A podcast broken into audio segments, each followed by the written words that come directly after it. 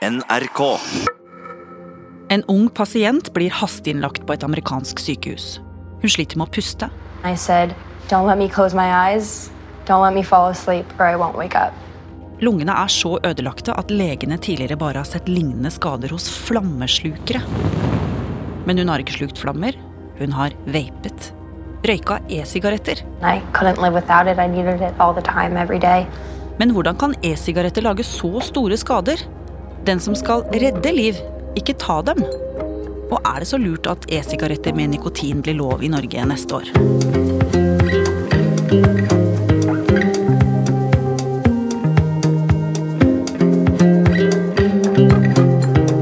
Du hører på Oppdatert.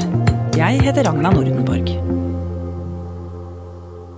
Det som skjer i USA, eller som har skjedd fra i sommer, er at det har kommet et stort antall unge mennesker på amerikanske sykehus med fullstendig lungekollaps. Rikke Tokle er rusforsker ved Folkehelseinstituttet. Tallet er nå oppe i 2200. Det er 47 dødsfall, og dette skjer nå etter hvert over hele USA. Health officials say they're still searching for the definitive cause behind these growing number of lung illnesses. Amerikanske myndigheter har klødd seg i hodet og lurt på hva er det som skjer. There are more questions now than answers. They do believe some chemical exposure is associated with the sickness. sickness. sickness. Amerikanske helsemyndigheter tar jo dette med største alvor og går veldig systematisk til verks. Sammenligner journalene, finner eh, forløpet for eh, dette sykdomsutbruddet. Og det som viser seg å være fellesnevneren her, er e-sigarettene. Alle disse unge har brukt e-sigaretter i forkant av lungekollapsen og dødsfalla. Men hvordan kan det ha seg at e-sigaretten, som har vært på markedet i hele 15 år, plutselig nå i 2019 har ødelagt lungene til tusenvis av mennesker, og til og med drept nesten 50? Så noen av USAs fremste røyke- og lungeforskere bestemmer seg for å løse mysteriet. Men de har veldig dårlig tid. For nesten hver uke på høsten i 2019 kommer det inn meldinger om nye dødsfall.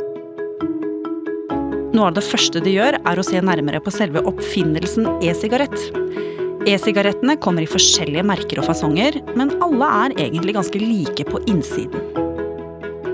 De har en liten væskefylt beholder fylt med en slags gjennomsiktig olje som fordamper ved hjelp av et varmeelement som begynner å gløde når man trekker inn gjennom et munnstykke. Ut av munnstykket kommer det damp som kan inneholde ulike smaksstoffer, og nikotin. Fordelen med å røyke e-sigaretter framfor vanlige sigaretter laget av tobakk, er at dampen som kommer ut, ikke inneholder de helseskadelige og kreftfremkallende stoffene. Forskerne hadde også lagt merke til en annen ting. Det var ett merke e-sigarett som var spesielt populært blant unge folk, de som nå var syke.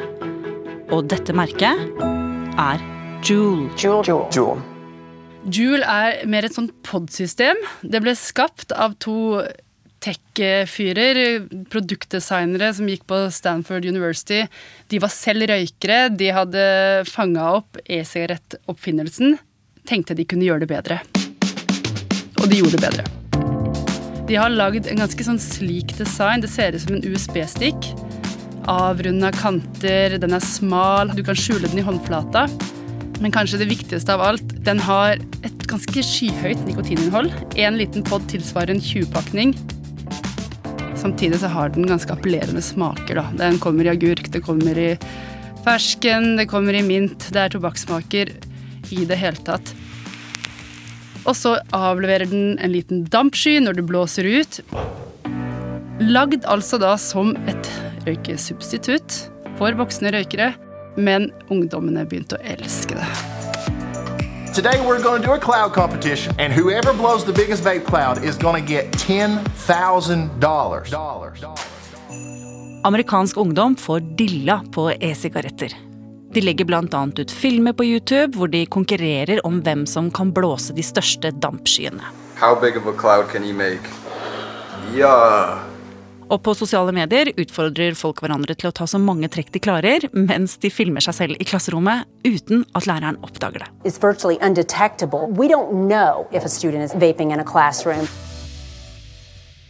Joule får også mye kritikk for markedsføringen sin. De har barnevennlige smaker du kan dampe, og arrangerer kule lanseringsfester hvor de lar folk prøve produktene deres gratis. Mange foreldre og politikere blir rimelig forbanna på selskapet som har gjort unge mennesker til nikotinavhengige. Oh, I couldn't go longer than like 10, 15 minutes without hitting it. It was so addicting. I brought it with me everywhere I went. Og på ett punkt må styrelederen i Juul rett og slett beklage. What do you say to those families, those parents, about their teens using this product? I'm sorry that their kids are using the product. We never intended for our product to be used by them.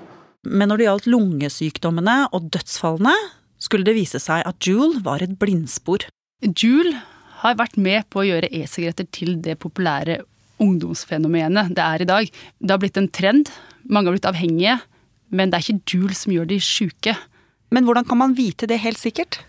Juul kommer jo veldig raskt i søkelyset her, fordi det nettopp har vært med på å etablere denne vapepraksisen blant unge mennesker, og mange av de uten noe forhenværende røykevane. Samtidig, det er så liksom Virkestoffene i disse Juul-podsene, det har man ganske god oversikt over. Det er ikke det som dreper, fordi det er de samme virkestoffene som er i e-sigaretter generelt, som er brukt av millioner av mennesker. Det kan ikke være det aleine. Så jakten fortsatte. We still do not know what is causing these illnesses, but they do know a lot more about who has gotten sick. sick, sick, sick. Ok, Rikke. Så helsemyndighetene de har på en måte frikjent e-sigaretten. I hvert fall e-sigaretten alene. Hva gjør de nå for å komme til bunns i mysteriet? Det de gjør, er at de går tilbake til ungdommene. Og flere av de innrømmer at de har putta noe annet i e-sigarettene. Adam Hergenrader of Gurnee, Illinois, has been hospitalized since last week. He says he vaped with THC, the primary ingredient of marijuana. I'm 18 years old. My lungs are like a seven year old's. Det de også hadde brukt, disse unge, var da en THC-olje, som er en cannabisolje som de putter inn i e-sigarettene og inhalerer.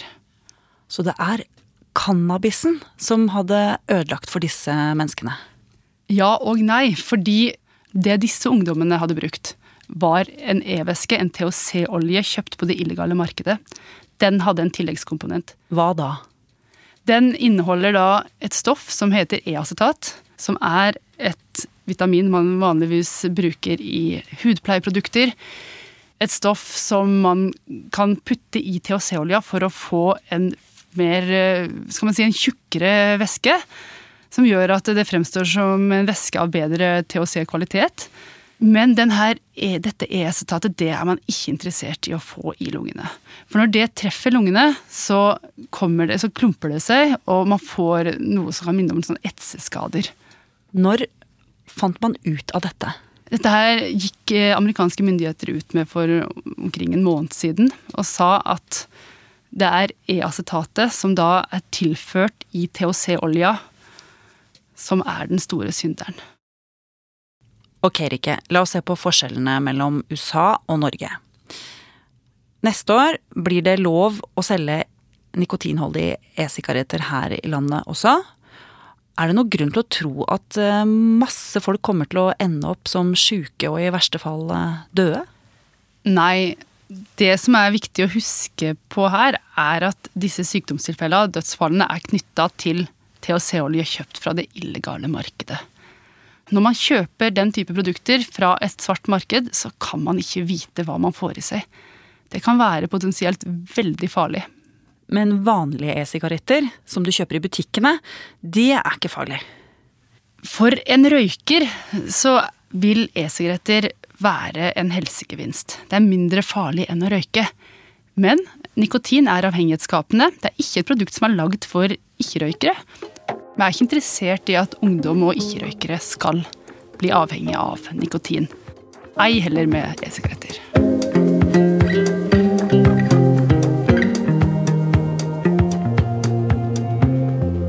Oppdatert lages av Katrine Nybø, Jaran Ree Mikkelsen, Ida Tune Øretsland, Petter Sommer og meg, Ragna Nordenborg. Vil du kontakte oss, gjør det på oppdatert krøllalfa nrk.no. Har du lyst til å høre flere podkaster? Da kan jeg anbefale hele historien.